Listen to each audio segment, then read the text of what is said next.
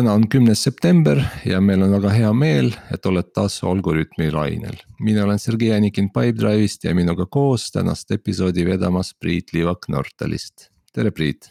tere, tere. Eh, me oleme endiselt virtuaalselt koos ja tänase episoodi teemaks on IT-haridus.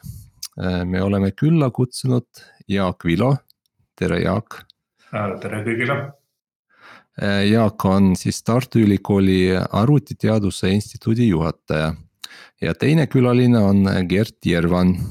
tere ka minu poolt. ja, ja Gert on Tallinna Tehnikaülikooli professor ja IT-teaduskonna dekaan. et äh, nagu tavaliselt alustame saat-, et saatekülalised ise tutvustavad ennast, et ma küsiks siis mõlema Jaak ja Gerdi äh, käest, et kuidas te üldse jõudsite selle koha ja positsioonini, et äh, võib-olla räägite natuke. mis on teie IT taust? no mina noore poisina kaheksakümnendate alguses äh, tundus niimoodi, et tahan väga aru saada, mismoodi programmeeritakse arvuteid ja läksin Tartu Ülikooli õppima rakendusmatemaatikat. Äh, nii et ma olen kogu magistri kraadse hariduse siis saanud Tartu Ülikoolis. Äh, Helsingi Ülikoolis olin vahetusüliõpilane ja Helsingi Ülikoolis tegin hiljem doktorantuuri, nii et ma olen olnud äh, üksteist aastat ka Soomes Helsingi Ülikoolis ja siis äh, olen töötanud hiljem bioloogiliste andmetega kui kaks tuhat kaks tulin Eestisse tagasi, siis alustasin tööd siin geenivaramu tegemisega ja, ja Tartu Ülikoolis Arvutiteaduste Instituudi juures juhendamise, õpetamisega kaks tuhat seitse sain professoriks bioinformaatika alal ja kaks tuhat üksteist alates olen instituudi juhataja olnud äh, Tartu Ülikoolis.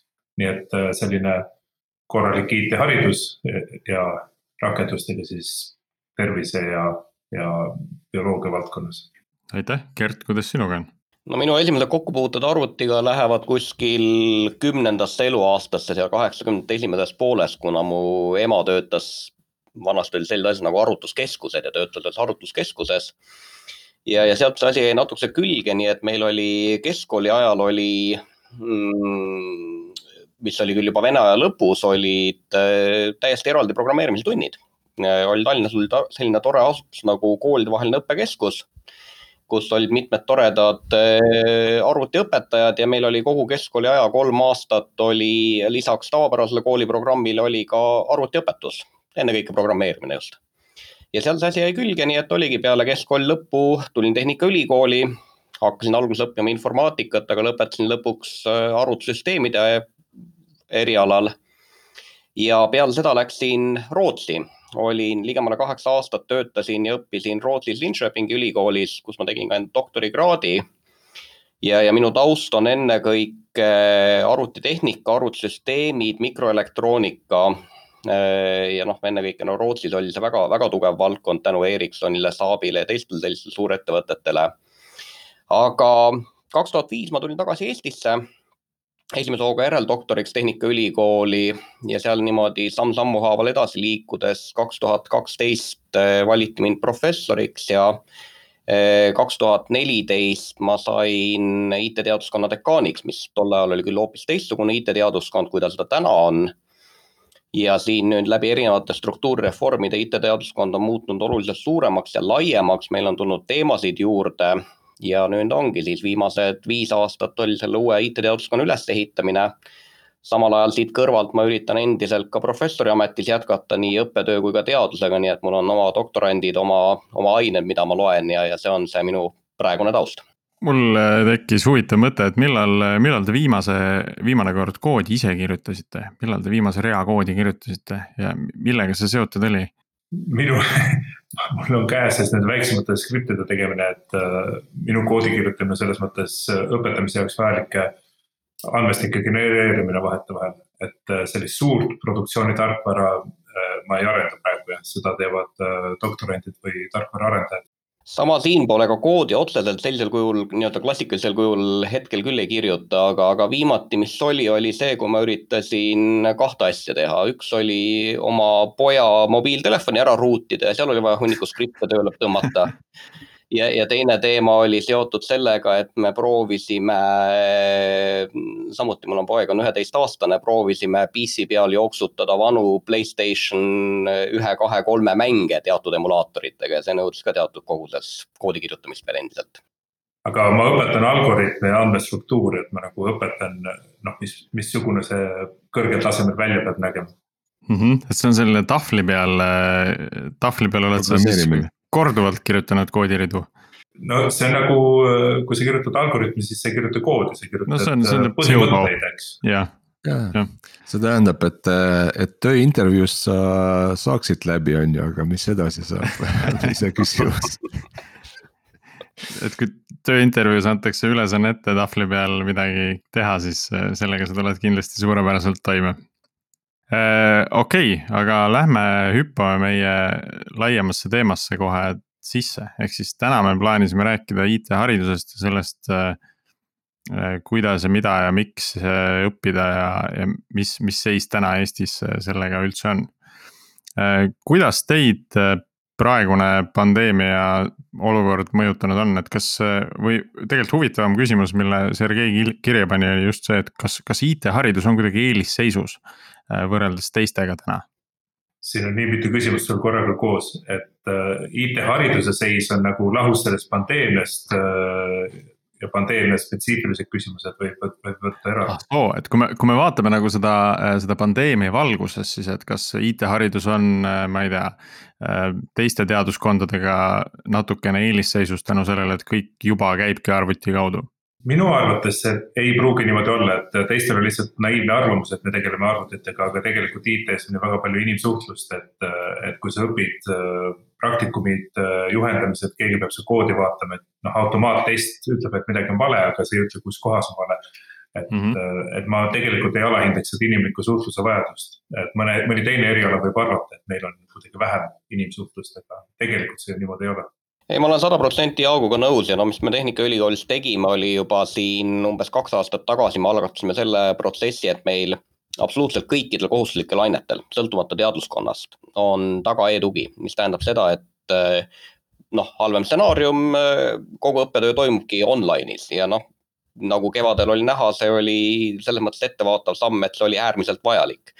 Ja, ja seetõttu oli ka meil see nii-öelda kevadine reageerimine sellele eriolukorrale suhteliselt valutu. aga, aga nagu Jaak ka ütles, et noh, paratamatult on väga palju praktilisi aineid, et nagu me vaatame veel IT-teaduskonna kontekstis, me oleme äärmiselt lai, meil on riistvaraga seotud temaatikad, meil on tervisetehnoloogiatega seotud temaatikad, kommunikatsioonitehnoloogiad, klassikaline computer science et, et seal on vaja ikkagi ühel hetkel laborisse tulla, teha midagi hands-on, teha kas siis mingites tiimides ja nii edasi.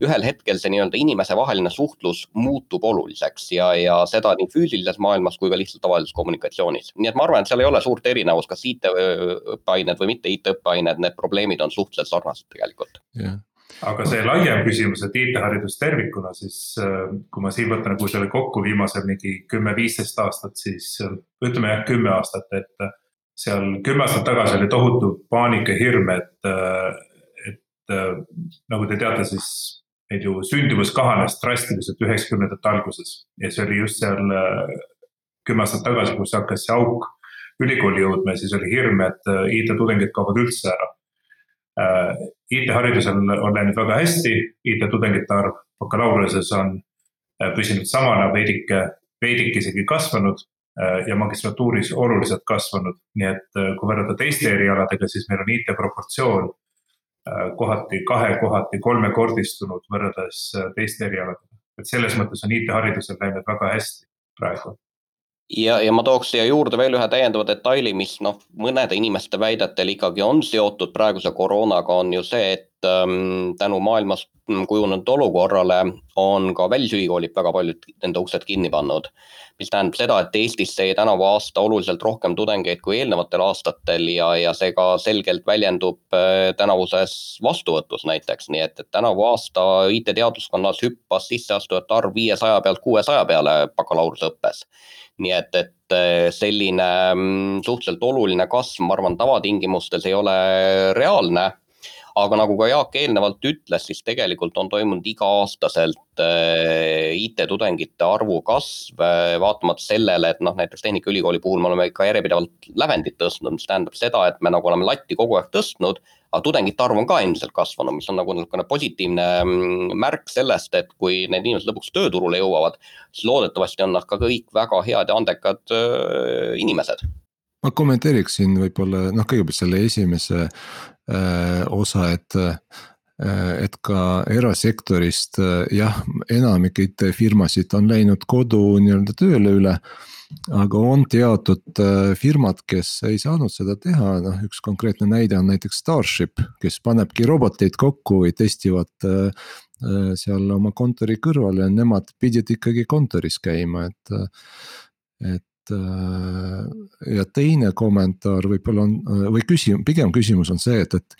et, et see pandeemia on kiiru-, kiirendanud seda trendi, et enamik tehnoloogiafirmasid kas osaliselt või täielikult äh, läheb nii-öelda selle kaugtöö vormi. Äh, ja küsimus on see, et kas ülikoolid õpetavad seda vormi ka tudengitele või, või, või seda veel ei ole nii-öelda programmis. noh, me räägime ka noh, koostöös äh, ti-, tiimi koostööst, aga sihukeses kaugtöö vormist no see oli jällegi learning by doing, et, et see samamoodi nii nagu äh, õppejõud pidid siin kevadel kiiresti kohanema, siis noh, tegelikult ega see asi ka liikus edasi üle tudengite peale.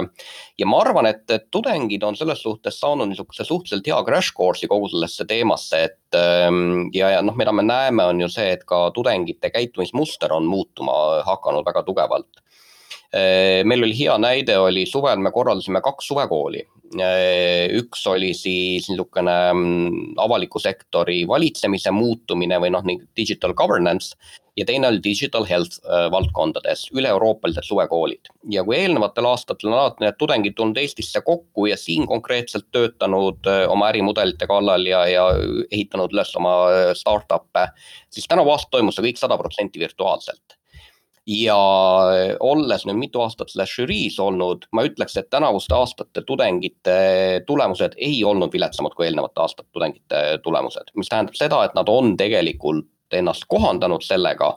jah, väga mitmed tegevused jäid selle tõttu küll ära, aga mm, ma julgen nagu väita, et ikkagi nad on suhteliselt kiired kohanejad ja suhteliselt hästi nende asjadega hakkama saanud ja võib-olla väike täiendus veel nagu meie, noh, meie kohalike tudengite kohta, siis tegelikult äh, tudengitel on ju oma, oma sellised tugitegevused äh,, chat'id äh,, Google Drive'id, Slacki kanalid äh,, kus nad tegelikult on harjunud ka suhtlema ja suhtlevad äh, ka tavalise õppe käigus, et äh, noh, siis võib küsida muidugi seda, et kus läheb piir nagu koos tegemise ja, ja, ja kopeerimise vahel, et see on see delikaatne pool seal õpetamises, kus on individuaalne, kus on grupi panus aga tegelikult seda grupitööd ja grupi panust on nad ikkagi äh, ka ise äh, oma õpingutes sisse toonud ja praegu selle pandeemia ajal loomulikult rohkem. see võib-olla on hea sissejuhatus meie järgmisse küsimusse, et äh, kuidas üldse hinnata ähm, noh, seda õppetegevuse tulemust? noh, ma mõtlen laias, ma, ma, ma ei mõtle nagu need hinded. eksami tulemusi on ju et, et mis on need ülikoolide hinded? mina, mina ütleks selle kohta, et kõige parem eh, tagasiside ülikoolile on peale seda, kui inimesed on lõpetanud ja mis nendest peale lõpetamist saab. kui nad lähevad kas tööle, loovad oma ettevõtte, teevad midagi kolmandat, õpivad edasi ja mis nendest saab. ja seetõttu noh, näiteks me üritame jälgida ikkagi ka, võtame Eesti näites, küll ta on niisugune väikene sample, aga ikkagi on, vaatame lõpetajate palgataset ja, ja vaatame millisel palgatasemel lõpetajad töötavad, noh võtame ülikooli tervikuna, siis on selge, et suured vahed on erinevate erialade vahel. aga IT-sektori lõpetajad, meie omad saavad üldiselt ikkagi väga kõrgetele, kõrge, kõrge palgatasemega ametikohtadele. ja see on nagu meie jaoks kvaliteedimärk, et jah, nad saavad hakkama, ettevõtted väärtustavad neid ja noh, siis on ka see ringiga tulev tagasiside, kas ettevõtete juhtidelt või nendel samadelt lõpetajatelt aasta-paari-kolme pärast, eks ole, mis on nende hinnang ja arvamus kogu selle protsessile.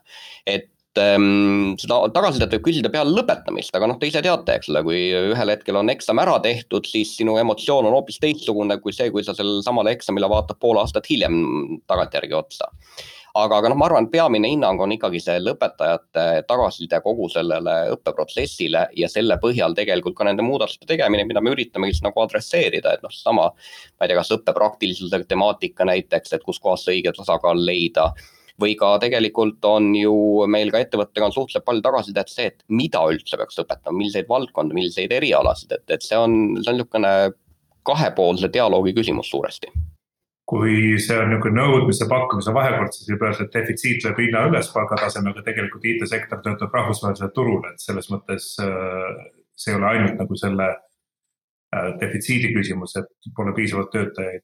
ja, ja viimastel aastatel tõesti on tegelikult on ju tehtud neid uuringuid tööandjate juures. Äh, need on aastast, aastasse tegelikult väga head hinnangud olnud tööandjatelt ja kohati isegi paremad äh, hinnangud, äh, kui äh, mis lõpetanud tudengid iseenda hariduse kohta annavad. et tööandjad on pigem olnud isegi rohkem rahul, kui, kui tudengid ise, tudengid nagu arvavad. seda analüüsi või noh, mõõtmist peaks siis tegelikult mitmes punktis ikkagi tegema. et üks hetk on see, kui see tudeng tööle saab noh, tõenäoliselt ta ei saa väga kõrge palgataseme peale, sest äh, see esimene tõke on juba see, et kuule, kuule, kuule, et sa just tulid ülikoolist välja, et noh, et mis sa siin küsid. et äh, ole nagu vähemalt katseaeg ära ja siis vaatame, mis sa väärt oled. Priit, on erinevaid firmasid, mõned maksavad rohkem kui teie võib-olla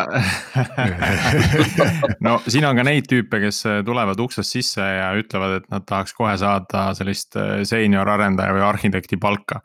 et see on see, mida nad sihivad Äh, ja, ja mõnel juhul noh, täitsa ongi, et poole aasta pärast nad on seal, et nad võivad seda teha. aga, aga esimese hooga sellist, äh, et, et mulle tundub, et, äh, et oluline on vaadata seda, kuidas see palgakõver muutub ja kui kiire aja jooksul see muutub. et, et see entry level võib-olla ei pruugigi olla see kõige parem mõõdik. ja, ja see nüüd tegelikult, tegelikult sa ütlesid välja selle ülikooli hariduse ühe põhitõe, et et, et ülikooli haridus ei ole mitte haridus oma esimese töökoha saamisele, vaid äh, see, et mis on sinu kolmas, neljas, viies töökoht. et see on pikaaegne haridus, pikaaegse karjääri alus.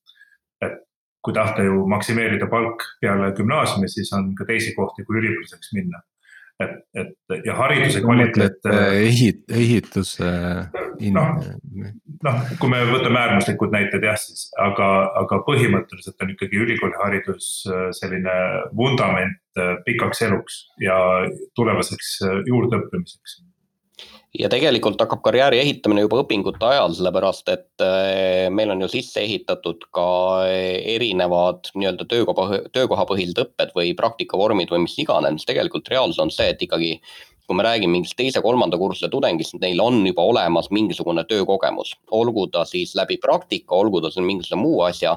Ja selle pealt hakatakse seda ennast üles ehitama, et siis, kui ta nii-öelda ülikooli lõppu jõuab ja no näiteks ka veel ennekõike juba magistratuuri lõppu, siis tal tegelikult peaks olema juba suhteliselt niisugune hea tunnetus, kes ta on ja, ja ka ettevõttel peaks olema mingisugune kindlus, et see inimene ei ole nagu nii-öelda valge leht, et tal on olemas see praktiline kogemus, tal on kogemus töötamisest tiimidest ja nii edasi, nii edasi.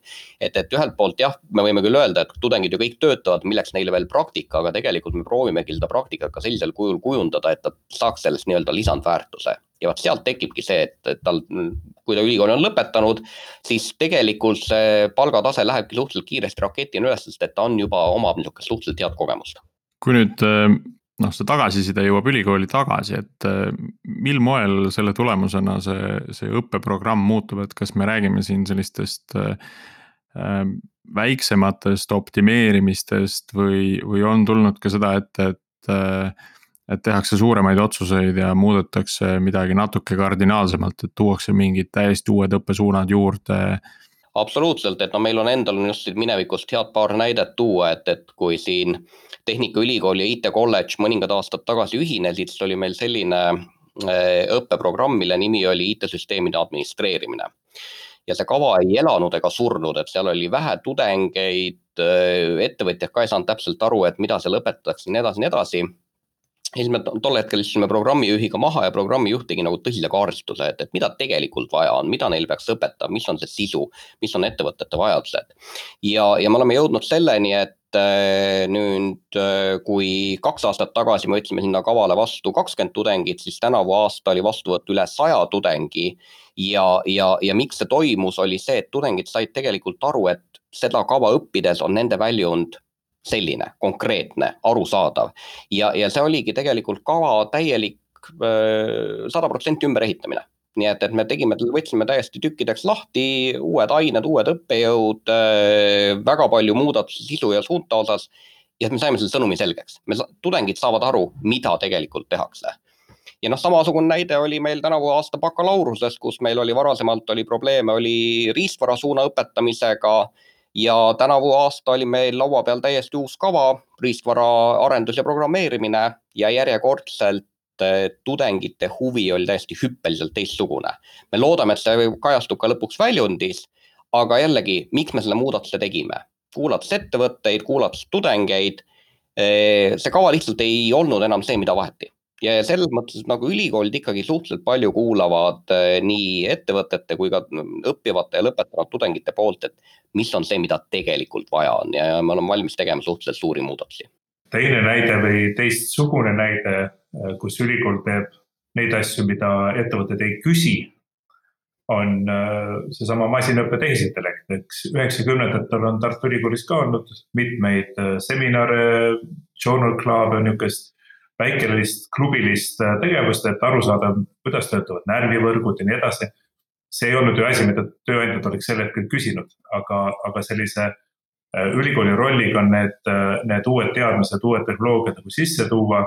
ja kuna praegu on ju selle järgi vajadus palju suurem, siis nüüd on võimalik seda skaleerida hoopis teistmoodi, et, et need tehisintellekti alused on Tartu Ülikoolis väga tugevad äh, informaatika erialal, äh, keeletehnoloogiad ja nii edasi, uus andmeteaduse õppekava. et neid ei saa ehitada tühja koha peale, et ühel hetkel, kui ettevõtted hakkavad küsima, et siis hakkab ülikool seda ehitama, et niipidi see ei käi. siis on natuke hilja juba, eks. siis on natuke hilja ja siis me oleme midagi maha maganud see on natuke selline nagu tootearendus, mulle tundub, et, et ühelt poolt on. ülikool ongi toot-, toode. seesama õppekava on, eks ole ju toode, mida siis tarbivad nii tudengid kui ka kaudselt siis ettevõtted, kuhu need inimesed lõpuks tööle saavad kui me tootega tahame võrrelda, siis ülikooli äh, äri on ju tegelikult aru saada, kus on maailma teadmine, kuhu see liigub, äh, kuidas me laiendame seda teadmist. teadus on ju see, et me teeme, äh, teeme midagi täitsa uut, mida keegi teine pole teinud et liikuda kusagil seal frondi peal ja selle käigus noh, nagu vedada seda, seda noh, teadmiste fronti edasi. loomulikult on nagu see tööandjate mass ja kogu see ütleme noh, programm, noh käsitööoskused ja nii edasi, need on, need on nagu ka kogu aeg juures, et sa õpetad noh, teooriat ja praktikat käsikäes, aga samas peab ka edasi viima kogu aeg seda teadmiste fronti ja see on see teaduse ja doktorantuuri vajaduse teema see on äh, väga huvitav teema ja tegelikult äh, küsiks äh, väga konkreetselt, mis on need uued tuuled tehnoloogia maailmas, mida ülikoolid siis praegu vaatavad just selle arendus. täitsa uued. täitsa uued. no mitte, täitsa uued või, või need, mida ei ole veel rakenduse leidnud, aga ütleme, ülikoolid juba mõtlevad. kvantkrüptograafia, kvant kvantarvutid, et ülikoolid mm, -hmm. ülikoolides tegeletakse kvantarvutite ja teemadega. Äh, te võite öelda, et aga me ei saa ju kusagilt kvantarvutit osta, miks te seda teete? saab osta küll, me saime teada eelmine episoodist, et saab juba osta küll. no sa, saab jah aega osta veidike timeshare'ide kasvatamiseks aga, aga seal on nagu see kahepoolne, kahepoolne asi, et aru saada just, et mis on teoreetiliselt võimalik, kuhu ta praktiliselt äh, läheb. ja, ja ja ega siis ei ole niimoodi, et meie laptop'id muutuvad äh, kvantlaptop'ideks, äh, noh, kuigi pea, äh, noh, ma ei julge öelda mitte kunagi, aga hetkel pole vaja. aga samas me peame teadma, et, et noh, seesama kvantkrüptograafia, et kuidas olla turvalised ka siis, kui kellelgi on üliarvutid olemas noh, praegusega võrreldes üliarvutid. Priit, see tundub, on ühe saate teema et äh, kes meil Eestis võiks rääkida? Dominic Unruh, Dominic Unruh on meil äh, Tartu Ülikoolis, siis peate loomulikult inglise keeles või saksa või prantsuse keeles seda vedanud. me ühe episoodi juba inglise keeles oleme teinud, et äkki prooviks siis prantsuse keeles seekord ja tegelikult loomulikult on saksa, saksa taustaga, et meil on saksa taustaga välisõppejõud, kes, kes seda kvantteemat tegelikult veavad eest. no prantsuse keeles oleks ilmselt pigem monoloog, aga aga on veel midagi peale kvant? Äh, no tegelikult on kõik see, mis on seotud turvaga, kogu see turvapool ja me ei, me ei räägi mitte sellist nii-öelda noh, klassikalist küberturva mõistest, et kuidas ehitada turvalisemaid süsteeme, aga turva on niisugune väga horisontaalne temaatika, et see läheb alates riistvara tasandist välja. seesama kvant, eks ole, on üks, üks valdkond, kus seal on ja, ja, ja lõpetades kogu nende, ma ei tea, alati tarneahelate, mm, tarkvara loomise, erinevate mudelite ja kõige nii edasi, nii edasi. et eh, mina näen, et see turvalisuse temaatika on see, mis tegelikult ainult kasvab ja kasvab ja kasvab, sellepärast et eh, mida rohkem meil on tegelikult see IT take-up'i, siis seda, seda rohkem see turvalisuse temaatika lauale jookseb.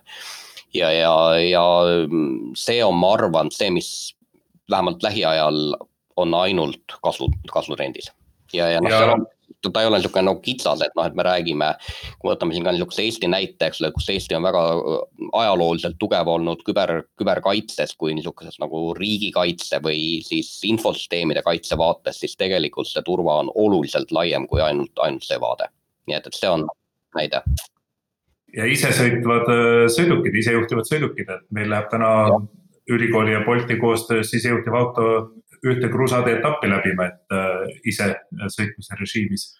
et no., et, et loomulikult on seal äh, see on, see on autonoomia laiemalt tegelikult, see on autonoomia laiemalt, et isesõitvad autod on nagu üks väljendus, aga sinna alla läheb kogu see droonimajandus, robootika ja nii edasi, et.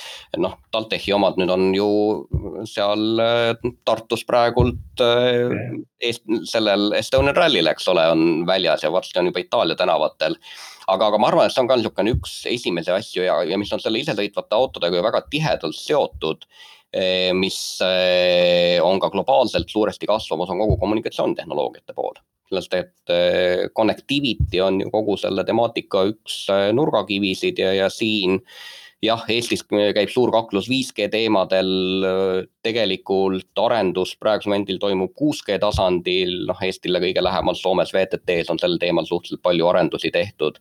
Aga ka kogu see 5G maailm ja kogu see connectivity maailm, mis puudutab füüsilisi seadmeid, on tegelikult väga lapsekingades, seal on väga-väga palju äh, arenguruumi ja võib-olla üks trend on veel, et kui võtta nagu ülikoole laiemalt, siis ülikool ei ole ainult IT, eks, et see monokultuurne IT tegelikult noh, nagu teate, IT-ettevõtted teevad kellegi teise jaoks tarkvara, et, et praegu on olukord, kus tegelikult kõik teised erialad vajavad mingit IT-komponenti, nii et see IT integreerimine kõikide teiste valdkondadega ühel või teisel viisil on, on see, mis on praegu toimumas. mis tähendab, et teised erialad peavad nagu ärkama selle vajaduse peale. muidugi nad on veidike naiivsed, et noh, et kas mõni teie tudeng ei võiks siin midagi teha Äh, vahel tuleb selliseid küsimusi, aga, aga, aga põhimõtteliselt on ju IT selline horisontaalne tehnoloogia kõikides valdkondades ja, ja see nüüd äh, sõltuvalt teiste valdkondade valmisolekust ja vastavatest inimestest, et see siis nagu on selgelt kasvav trend, et on äh, rakendused ka otsas. kuidas, kuidas seda ülikooli üldse struktureerida selliselt, et, et kui IT läbi põimub nagu kõikide muude valdkondadega, et kas, kas te, kas see IT osa, osa nii-öelda ei peaks siis kuidagi horisontaalseks muutuma? no Eesti ülikoolide näitel on näha, et Tehnikaülikoolis on IT on üks äh, teaduskond ülevalt alla vaadates Tartu Ülikoolis on ta loodus- ja äh, täppisteaduste valdkonnas nagu pigem nagu instituudi tasem või selline noh, tase madalamal, aga, aga valdkond, valdkonna sees äh, loodus-täppisteaduste valdkonnas.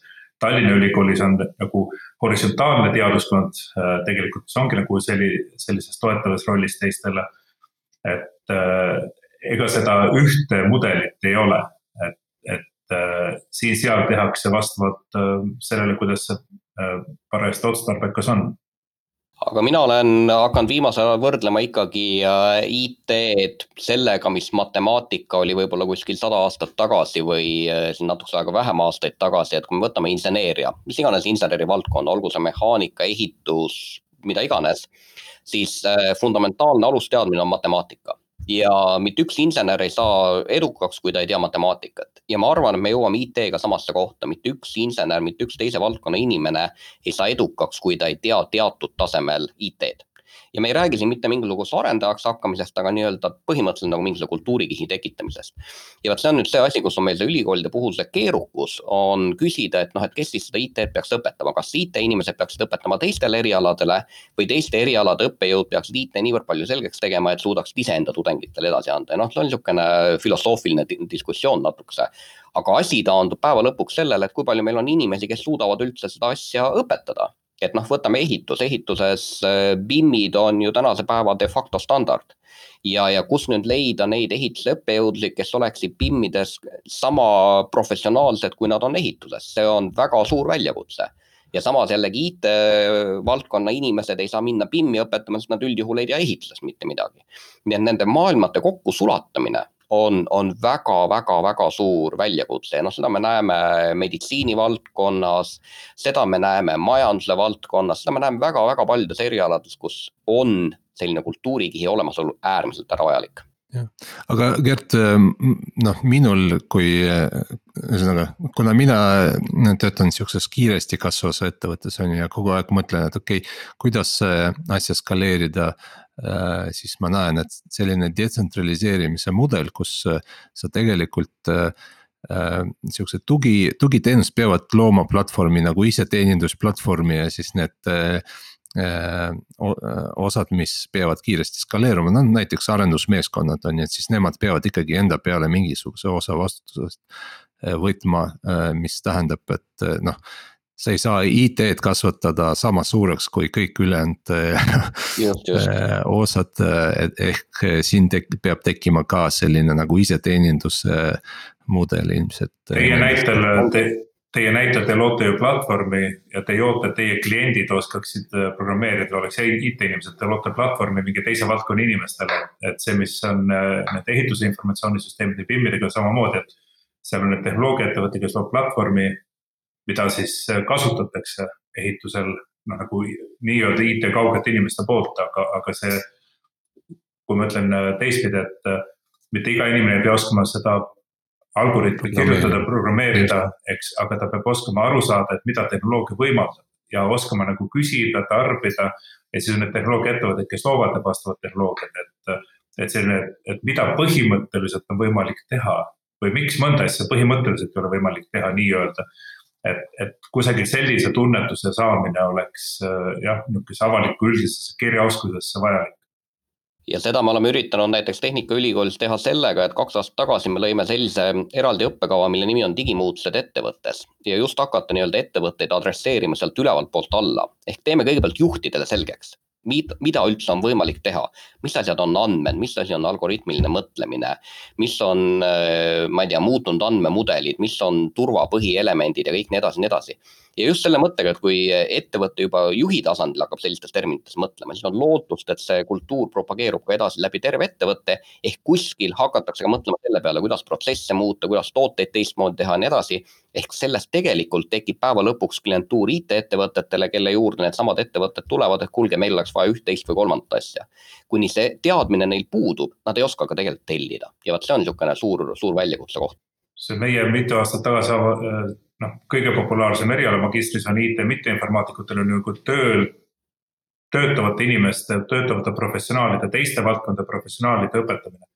et, et see on täpselt seesama fenomen, et nende kaudu tulevad valdkonna teadmised, elukogemus ja siis peale selliseid programme nad tegelikult oskavad äh, ise olla analüütikud, sõnastada nõudeid, vajadusi, hinnata seda.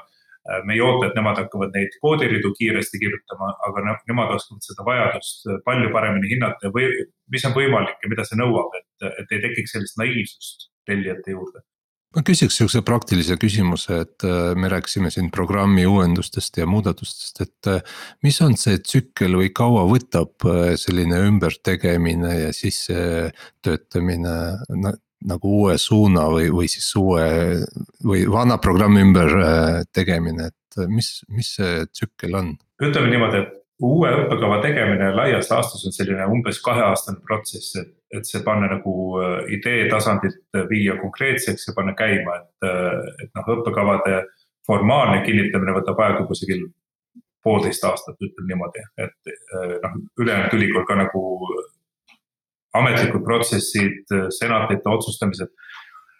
nii et umbes kahe aastaga tehakse nagu nullist uus asi. muudatusi tehakse iga-aastaselt jooksvalt, nii et põhimõtteliselt üks tsükkel on, võib öelda, et alla aasta. Aga siis suuremad muudatused on need, mis nõuavad veidike rohkem konsulteerimist. noh, lühidalt üks kuni kaks aastat, kui tahta nagu Äh, muuta õppekava oluliselt. ainete sisse tegemine, ma võin homme päev öelda, et äh, siin tuleb aine ja lihtsalt äh, ta on siis nagu vaba aine või, või nagu uus temaatika, et, et selle, seda ei keela keegi, et see võib homne päev toimuda. niimoodi, et õppekavas on ta nagu oluliselt kohal, siis see, see protsess on umbes aasta. Gett, kinnitad? Ja, ja absoluutselt, et äh, see ongi, et seal tuleb arvestada sellega, et kõrghariduses kehtivad ka igasugused riiklikud regulatsioonid, et seal on ministeeriumite kinnitamistsüklid ja kõik muu, muu taoline läheb sinna juurde, aga, aga ongi, et kuskil aasta aega kulub selleks, et äh, noh, ennekõike ka väliste osapooltega teha väga palju kaardistamist, et, et kus on see tegelikult see vajadus ja nii edasi, et, et me, kui me vaatame õppeprotsessi nagu kahtepidi, et ühtepidi on push ja teistpidi on pull. ja push on see, kus me nagu, nagu ülikooli sees võttes aluseks nagu maailma trende ja maailma suundumusi põhimõtteliselt me surume mingid õppekavad turule sellepärast, et kuulge, teil on seda tulevikus vaja. ja teised on siis nii-öelda nagu pull äh, põhimõttel õppekavad, kus me näemegi, et seal on nagu selgelt turuvajadus, on mingisugune vaakum, mis me hakkame seda vaakumit täitma. ja, ja nende push kavadega, kus me tahame midagi turule lükata, seal me ehitame seda suuresti meie olemasolevatele kompetentsidele, võib-olla värbame uusi inimesi. aga need, mis on need pull kavad, vot seal on väga oluline see dialoog nende väliste osapooltega, ettevõtetega, riigiga, kellega iganes, et aru saada, et see täpselt täpne suundumus, mida tegelikult vaja on, kui suurtes mahtudes, millised on need rõhuasetused ja nii edasi. et eh, need on nagu need kaks erinevat suunda, aga jah, see pikkus on kindlasti eh, täiesti nullist ehitamisel poolteist, kaks aastat eh, on, on see reaalne aeg. ja nüüd selle, see järeldus tegelikult on üks, on ka see, et me, me suures pildis on ju see küsimus, kui palju me killustame, kui, kui kitsasteks nišideks lükatakse õppekavad versus kui, kui äh, mahukad need on, et äh, meie lähtume nagu enam-vähem sellest, et bakalaureusesse on pigem äh, laiemad, laiem vundament, alused ja siis magistratuuris veidike rohkem nagu segmenteerimist. aga, aga ka seal on kindlasti piirid, et, et mingi teema, mida on vaja laias laastus, noh, ma ei oska öelda kui tuleb kümme inimest aastas, siis see ei ole jätkusuutlik ülikoolile üle, üleval pidada. et need peavad olema piisavalt mahukad äh, komplektid, mida siis on mõistlik õppekavadena üldse luua no enne kui me süveneme sellesse ettevõtete ja, ja ülikoolide vahelisse koostöö teemasse, mis on ähm, noh, mis, mis on alati nagu ähm, küsimusi tekitav siis tegelikult ma võtaks veel äh, sellise ülikooli sisese erinevate valdkondade, instituutide vahelise lõimumise teemaks.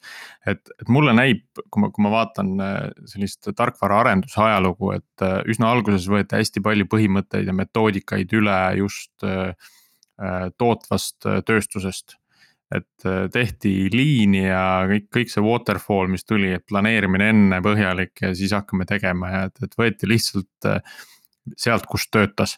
ja nüüd ma näen nagu natuke sellist teistpidi trendi, et hakatakse võtma üle praktikaid äh, just nagu tööstuses IT-st et sellist agiilset, kiiret, iteratiivset arendust ka, ka riistvara arenduses ilma põhjaliku eeltestimiseta mingite asjade nii-öelda toodangusse lükkamine või tootmisliinile lükkamine ja siis äh, tagantjärgi valideerimine, et kas see siis töötab nii, nagu ootuspärane on, et mis laadi lõimumist äh, teie veel olete näinud just nagu sellises erinevate teiste distsipliinide ja IT vahel? no mida mina näen, on kõige mm, selgemalt näha läbi tudengite, et, et meil on ülikoolis, noh, et üks asi on õppeprogramm, nad õpivad etteantud programmi järgi aga teine asi on see, et seal programmi kõrval on igasuguseid erinevaid tegevusi, noh, häkatonid, äh, mingid startup äh, competition'id, et cetera, et cetera. ja seal jooksevad kokku tiimidesse väga erineva taustaga tudengid ja, ja neil ei ole mitte mingisugust probleemi omavahel neid asju tegelikult arendada ja tegutseda. mis tähendab seda, et minu, minu nägemuses või minu arusaamises on ähm, need seinad erialade vahel vaikselt ära kadumas. et, et kui me võtame IT-tudengi, siis ta lihtsalt peab olema võimeline töötama, ma ei tea, mehaanikainseneri või arsti või kellega iganes koos. sellepärast, et seal ongi see, kus on see tema väljund ja kui ta on niisugune kitsas silmaklappidega IT-inimene, siis sellest ei mitte mingit kasu. ja, ja kui me vaatame jällegi teistpidi, eks ole, võtame tööstuse, siis kust tuleb tööstusel tänapäeval see areng? see läheb läbi digiteerimise ja tööstuse inimesed ei saa olla edukad, kui nad ei suuda IT-inimestega läbi rääkida, hakkama saada ja nii edasi. et noh, minu, minu tunnetus on see, et seal ähm, need piirid on väga-väga hägusaks muutumas ja, ja seetõttu ähm, noh, see on nagu kõik muutumaks üheks suureks pildiks see on minu, minu praeguse hetke tunnetus tegelikult. jah, see on väga keeruline, et kui me mõtleme mingi Leonardo da Vinci või vana aja teadlaste peale, siis nemad olid ju kõiges talendid, nagu multi, et kes tegi geograafiat ja matemaatikat ja muusikat ja kõike korraga.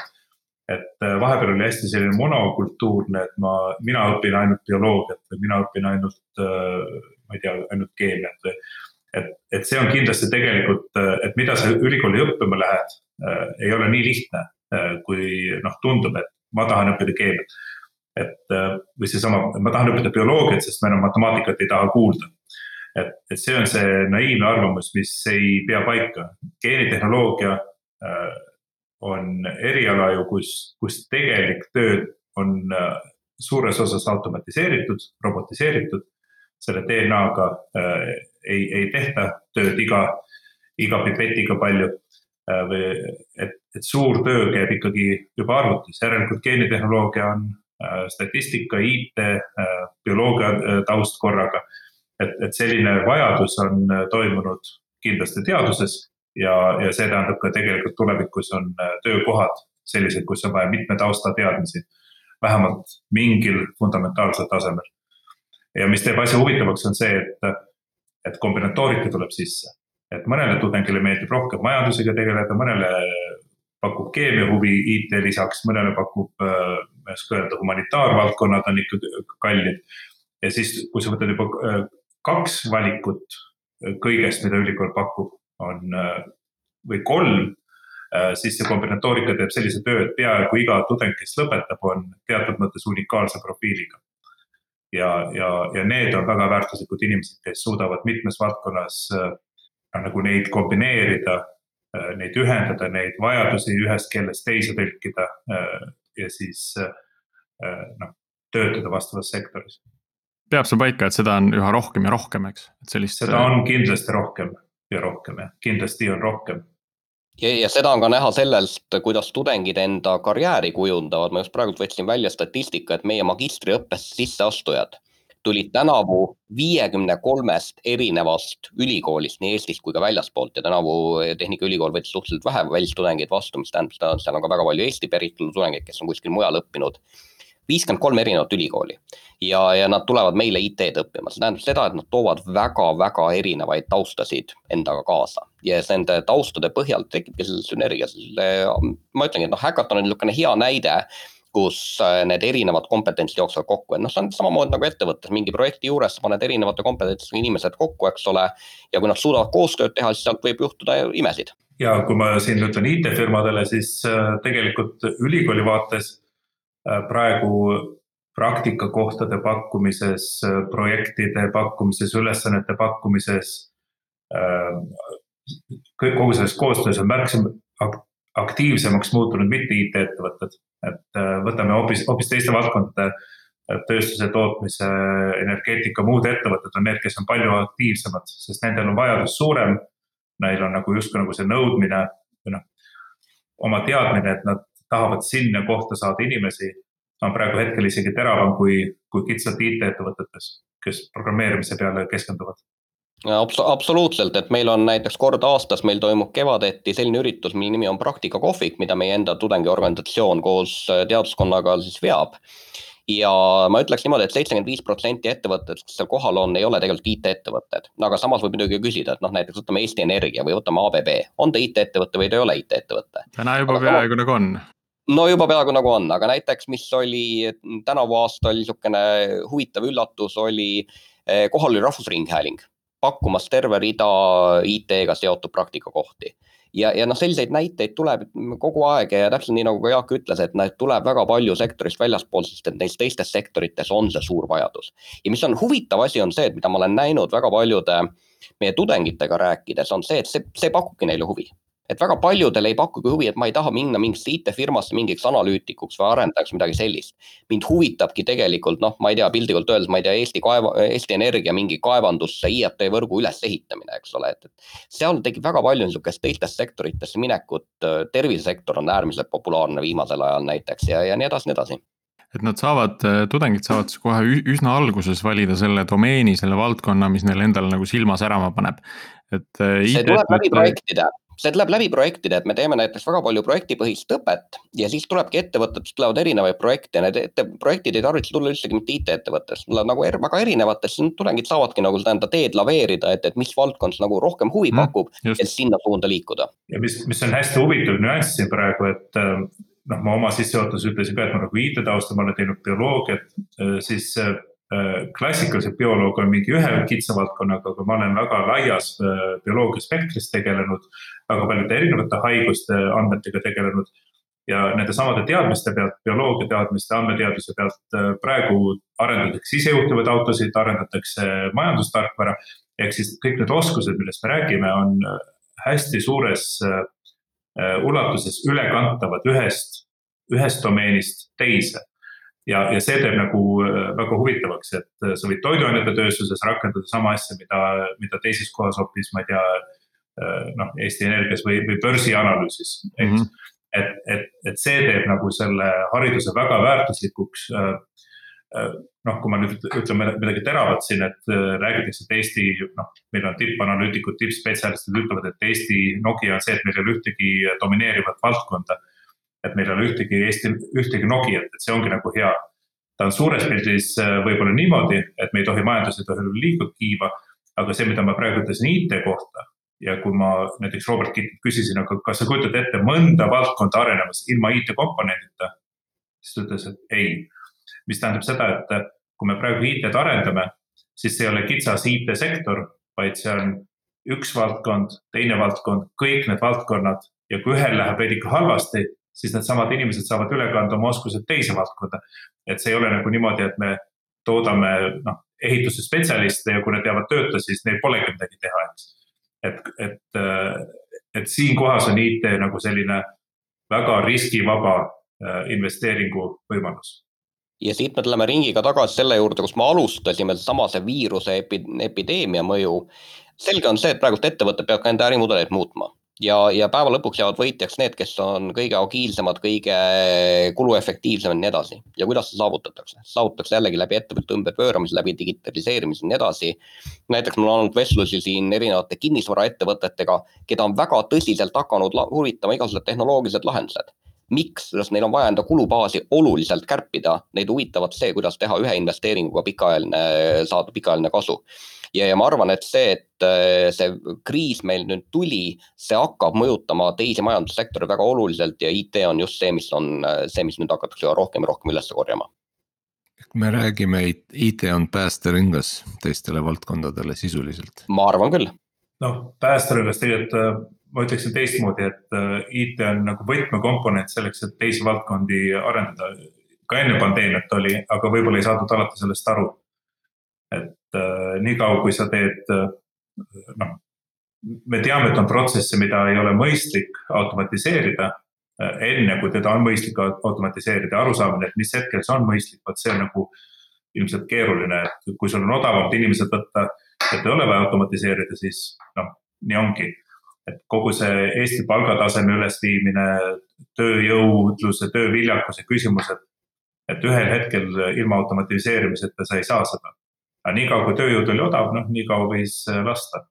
nii, Priit, kas lülitame veits äh, ja, käiku? ja keerame sinna, keerame sinna ettevõtete suunda äh,, et äh, me sellest lõimumisest rääkisime koostöö ettevõtetega, ma tean, et äh, noh, kõik see on muutumas, eks ole, et kui, kui te räägite ka sellest täna siin, et äh, rohkem tuleb huvi erinevate ettevõtete poolt, mitte ainult IT-ettevõtete poolt, kas see siis tähendab ka seda, et näiteks äh, need erinevad ettevõtted täna panustavad ka IT-haridusse mingil määral, et ma ei tea, räägime planeerimisprotsessidest läbi ehitusinseneri pilgu või, või midagi taolist?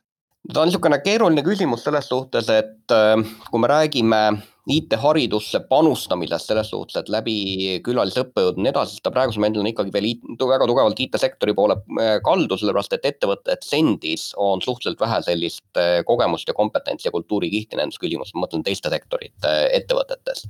et see, mis me enne rääkisime, seesama ehituse näide, et, et see on praegusel momendil ikkagi jäänud veel nii-öelda ehitusõppe osaks. aga kui me räägime IT-tudengite õppest, eh, siis me üritame tuua neile ette võimalikult palju neid just nagu nende, neid inimesi, kellel on nende teiste sektorite kogemus. Need inimesed võivad tulla ka IT-ettevõtetest väga hästi aga IT-ettevõtte inimene tuleb ja räägib, kuidas nad tegid, ma ei tea, täpselt sama müügitarkvara näide, eks ole, noh, võtame Pipedrive'i, eks ole, või kelle iganes. et, et äh, see on see, mida me tahame tudengitele tuua. see, kuidas on tuua selle teise sektori kogemust, aga ka läbi IT-ettevõtte silmade, et tudeng näeks äh, seda võimalust ja ta mõistaks, et tegelikult ta ei hakka tegema mingit kitsast IT-tööd ainult noh, kui võtta nagu IT-ettevõte, siis äh, millega IT-ettevõte või IT-meeskond tegeleb, ta nagu tegeleb arendamisega, eks, et, et sellises klassikalise IT-ettevõtte seisukohast on vaja võimalikult äh, efektiivset arenduse võimekust, tarkvaraarenduse kompetentsi, tarkvaraarenduse võimekust äh,. noh, selline, sinna juurde käib loomulikult meeskonnatöö ja kliendi suhtlus ja kõik see, et arusaamine ärinõuetest. aga see on ikkagi selle arenduse keskne. aga kui sa võtad nüüd need näiteks andmeteaduse siis äh, on selge, et andmed ei ole mitte ainult selle tarkvaraarenduse protsessi kohta, vaid andmed on seal, kus nad on, kas müügi edukus või, või kliendi käitumine või, või mingid muud, et need, need on need kohad, kus teistel sektoritel on, on vajadus, äh, andmed, andmestikud, äh, küsimused. ja, ja selle tõttu nendel võib-olla on isegi lihtsam neid projekte nagu anda, neid küsimusi esitada. et IT, IT-sektoril tundub, et on suhteliselt vähe selliseid küsimusi, teravaid küsimusi või niisuguseid olulisi küsimusi. Äh, sama fenomen tundub olevat nendes äh, ülesandekesksetes töötubades, projektides, kui meil on tootedisaini, toote juhtimise, disainmõtlemise küsimused, siis peab olema mingi toode või küsimus, mingi probleem, mida lahendada ja klassikalised Äh, IT-majad nagu Nortal ei, ei pruugi omada selliseid küsimusi. et äh, need võivad tulla hoopis äh, mingist teisest kohast, et me võtame sama, sama müügitarkvara, et, et kuidas valideerida mingi uus idee nagu tooteks, eks aga need on hoopis teist laadi küsimused. Need on teist laadi küsimused ja, ja, ja, ja. no täna ja mina. seetõttu ka ettevõtete vajaduste vastamine on tegelikult äh, väga keeruline, sest noh, Eestis on ettevõtteid äh, üle tuhande IT-ettevõtte, nii et okei okay,, seal on ka väikseid, väga väikseid, eks. Äh, ja, ja kogu see ülejäänud sektor, et, et ülikoolid peavad nii-öelda noh, toetama väga laias mastaabis nagu väga mitmekesiselt ettevõtteid mm. -hmm. aga tegelikult ülikool ju ei sihigi seda, et olla nagu sada protsenti compatible, et inimene tuleb välja ja ta on kohe valmis äh, igaks positsiooniks. sest kui ma vaatan täna enda tegemisi äh,, ma vajaks äh, arendajat või arhitekti, kes oleks nii-öelda IT seadusandluses äh, pädev.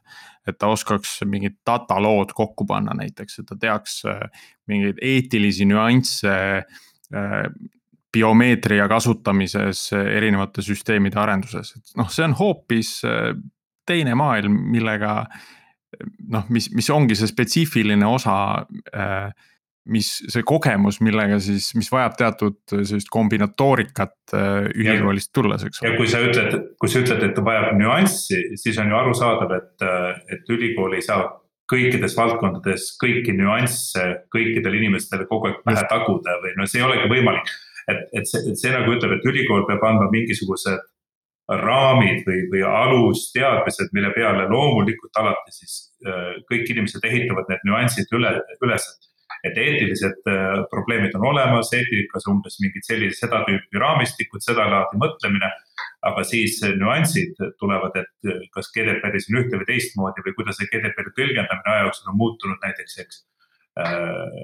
siis see tuleb hiljem, seda ei saa ülikool öelda, et alati on niimoodi, et see, see ei ole nagu oskus, mille sa annad praegu kätte ja kümne aasta pärast on inimesel olemas vaata, mina olen alati öelnud, et äh, ülikoolide põhieesmärk on anda tudengitele selline haridus, et nad saaksid aru, mida juurde õppida. sellepärast, et see on see asi, mis on, sama näide, eks ole, selle GDPR-iga või kellega iga, millega iganes. täna võid ära õppida, aga kahe aasta pärast seadusandlus muutub. no ja siis, sul varasest teadmisest pole midagi kasu, aga kui sa tead, mida see raamistik endast kujutab, kui sa tead, kuskohast juurde õppida, kuhu maailm liigub ja nii edasi siis on sul võimalik äh, ellu jääda, siis on sul ka nii-öelda ettevõttele kasu, et sa ütled konkreetselt, kuule, mul on vaja neid ja neid teadmisi juurde. ja vot see on nagu ülikoolide põhioskus anda või noh, põhiülesanne anda see nii-öelda vundament kätte. Et selle peale hakata ehitama ja siis täpselt noh, ehitada kuhu iganes sa enda karjääri ehitad, aga sul peab olema midagi, mille peal seista midagi kasu ikka on Kirjapere teadmisest ka kahe aasta pärast, et, et see ongi seesama selline, selline elukogemus, mida loomulikult lihtsalt äh, loenguga sa ei saa anda, et et miks on kogenud inimesed äh, oskavad muganduda või noh, nagu sobituda või neid on vaja, sest see elukogemus on see, mis tuleb nagu noh, aja jooksul kiht kihilt ehitub, et äh, selle väärtustamine on loomulikult me üldse ei alahinda, aga nüüd ongi, et kui me räägime ülikoolist, siis ta alguses hakkab tegelema noorte inimestega, sa annad mingi põhitõed, aga noh, elukogemus tuleb hiljem juurde. ja ma ise olen ka tähele pannud, et et mingitest asjadest, mis sulle nii-öelda noorena on räägitud, noh, sa nagu ei saa aru, sest sul ei ole kogemust, sa ei, sa ei oska nagu seostuda äh, nende nii-öelda põhimõtetega. sest Just. sa ei saa probleemist aru ja, ja sul on vaja natuke kogemust ju seal praktilist äh, nii-öelda elukogemust, kus sa puutud probleemidega, siis sa tuled tagasi selle põhitõe Äh, juurde tagasi ja nüüd sa alles hakkad aru saama, et mida siis selle all mõeldi, et, et äh, ma arvan, et siin on vaja ka natuke kannatust ja äh, inimestel endal ja ka tööandjatel ja kõikidel ümberringi, et, et inimene peab nii-öelda saavutama teatud küpsusastet, et teatud põhimõtetest aru saada, et, et siin pole kahjuks lühemat teed. Ja ma arvan, mida me peame ka reaalselt arvestama, on ikkagi see, et äh, me räägime väga suurest sektorist ja teadupärast inimesed on väga erinevad. Ja, ja ongi sellised, et kes sul jäävad niimoodi väga spetsiifiliselt, neid võib saada fantastilised arendajad, kes oskavad ühte või teist või kolmandat töövahendit peenslusteni ja need inimesed siis, keda on sul juba täpselt vaja arhitektiks või mingisugust muus positsiooni, kes suudavad hoomata suurt pilti, kes suudavad ennast pidevalt äh, kaasajastada erinevates teemades ja nii edasi. Ja seda, et me aktsepteerime, et inimesed ongi erinevad, see on, see on, ma arvan, ka üks osa sellest äh, äh, valemist, et ähm, jah, me tahaksime võib-olla, et meil kõik inimesed oleks superkangelased, aga nad lihtsalt ei ole seda, igaühel on omad tugevused Nad tuleb lihtsalt targalt kokku panna, et nad äh, koos töötades äh, superkangelaslikke tulemusi looksid. et oma kõige paremaid arendajaid ilmselt suure lava peale nagu rahvamasse hullutama ei taha saata, eks. noh, nad ei saaks sellega hakkama, aga nad on sul üli, üliväärtuslikud, et, et, et seda ma tunnen ka, et jah, et äh, IT, kui võrreldes teise, teiste erialadega ülikoolis, siis ma vahel tunnen, et, et meie tolereerime Äh, laiemas spektris erinevaid inimesi oma erialal. et ajakirjanik ei saa olla arg oma iseloomult, eks, aga IT-inimene võib. ja samas on IT-inimeste hulgas neid, kes on äh, hoopis teistsuguse suhtumisega, et, et meil nagu see inimspekter on väga lai. Äh, noh, mis toob meid selle diversiteedi juurde, et, et naised, mehed veidike autistliku taustaga inimesed väga väga avatud inimesed, et, et IT-sektoris leidub kõike kusjuures huvitav, et sa mainisid seda autistliku iseloomuga, et ma olen kuskil lugenud äh, artikli, et, et tegelikult nendele inimestele sobib väga selline arvutisüsteemidega töö, et, et ma ei tea, kui on teil sellega kogemus või mitte, aga. ja seda, seda on täitsa uuritud ja näiteks noh, võtame niisugused mõningad kergemad eh, vormid, näiteks Asperger on niisugune hea näide, mida on eh, erinevates uuringutes välja toodud, et näiteks Aspergeritele sobib väga hästi arendaja või noh, nii-öelda programmeerimise töö see nõuab fokusseerimist, sa tegeled ühe temaatikaga ja nad suudavad minna kohutavalt hästi väga sügavale. Ja see on niisugune hea näide, kus tegelikult see IT-sektor, kui me nüüd räägime nagu laiemalt, äh, nii puudega inimestest ja nii edasi, noh, meil on ka näiteks IT-s äh, erialadel on lõpetanud väga mitmed küll ratastoolis inimesed ja nii edasi. et see on selline koht, kus täpselt sa ei pea ilmtingimata mööda maailma ringi lendama, sa ei pea ilmtingimata iga päev hommikul kell üheksa tööle minema või mis iganes, et see sobib tegelikult väga-väga paljudele inimestele väga erinevates eluvormides ja kindlasti ka väga erinevate huvidega, et me enne rääkisime siin ka nendest ja. domeeni huvidest. Äh, sest äh, ka täna on väga palju neid ju, kes äh, ütlevad, et jaa, mulle meeldib bioloogia, aga ma lähen nagu bioinformaatikasse. et, et ta ei lähe nagu seda süvitsi just nagu seda spetsialiteeti õppima jaaks sa justkui ei nõustu? ja sest, sest tegelikult sa võid Äh, mõjutada bioloogiast arusaamist äh, IT kaudu palju-palju rohkem. ja võib-olla see ongi see, võib-olla see ongi see põhjus, eks, aga, aga ma tean äh, mitmeid just, kes on läinud IT-sse tänu sellele, et nad saavad seal kokku puutuda selle domeeniga üsna põhjalikult, selle domeeniga, mis neid huvitab ja samal ajal äh, Äh, tegeleda siis IT-ga, et nad saavad need kaks, kaks huvi siis kas kombineerida või siis tunda, et nad saavad seda domeeni hoopis äh, suuremalt mõjutada, kui nad muidu seda saaks no meil on, meil on hea näide näiteks Tehnikaülikoolis on selline mm, õppekava, mille nimi on äriinfotehnoloogia. ja kui nende tudengitega rääkida, siis nendel alati sisseastumisel oli see, et nad ei teadnud, kas minna õppima IT-d või majandust ja siis äri-IT on niisugune nende jaoks niisugune huvitav kompromiss kahe poole vahel, et nad saavad IT-hariduse, aga nad saavad ka suhteliselt tugeva majanduse background, noh, lähevad fintechi ja kuhu iganes nad lähevad. ja vot see on, see on niisugune hea näide sellisest sümbioosist ja mis on huvitav selle eriala juures, on see, et see on meie kõikidest erialadest kõige populaarsem äh, naissoost tudengite hulgas. see on äh, meil IT-eriala, millel on alati rohkem naissoost tudengeid kui meessoost tudengeid. ja, ja ta ongi tänu sellele, et ta on niisuguse kahe eriala kombinatsioon puhas IT võib-olla mõnele tundub pelutav, aga äri-IT on juba selline, et no täitsa, täitsa huvipakkuv noh, mina ise olen äh, seal suunas äh, õppinud ja, ja kinnitan Gerdi tähelepanekut. et ei osanud valida ühte või teist äh, täpselt nii, et ma läksin majandusse, ma tegelesin arvutitega, aga mõtlesin, mis ma ikka õpi-, lähen õppima neid, sest ma niikuinii juba oskan, on ju, et lähen nüüd õppima majandust ja, aga kuna see äriinfotehnoloogia oli üks valikutest, ma mõtlesin, et valin siis seda mõlemat korraga. et äh, me oleme tegelikult juba äh, üsna lähedal meie saate lõpule. et siia otsa küsiks äh, siukseid võib-olla natuke isekaid küsimusi, et et kas te olete mõnda meie saadet kuulanud ja kas äkki olete ka tudengitele soovitanud, sest me teame, et, et mõned tudengid lausa kuulavad meie saadet ja on kiitnud ma olen kuulanud päris kindlasti sellest, et seal on ka meie enda töötajaid osalenud ja, ja, ja kui ta siin, ma ei mäletagi, millal saade alguse sai, aga, aga kui Tiit seda siin mingitel saadetel kaasa lõi ja nii edasi, siis see kuidagi minu teadvusesse jõudis ma ei ole küll äh, seda enda tudengitele soovitanud, sellepärast et mul hetkel ei ole lihtsalt äh, eestikeelseid tudengeid, kes seda äh, kuulata saaksid.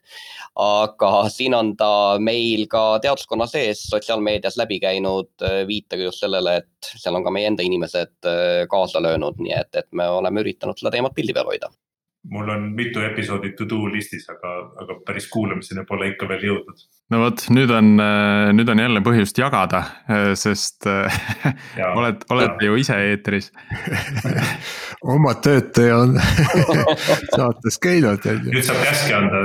kui kedagi muud ei kuule, siis kuulake meid. just nimelt. aga selle, selle lõbusa noodiga vist äh, tõmbamegi äkki tänase episoodi kokku. väga meeldib väga tore oli rääkida. aitäh kutsumast. suur tänu teile. nägudeni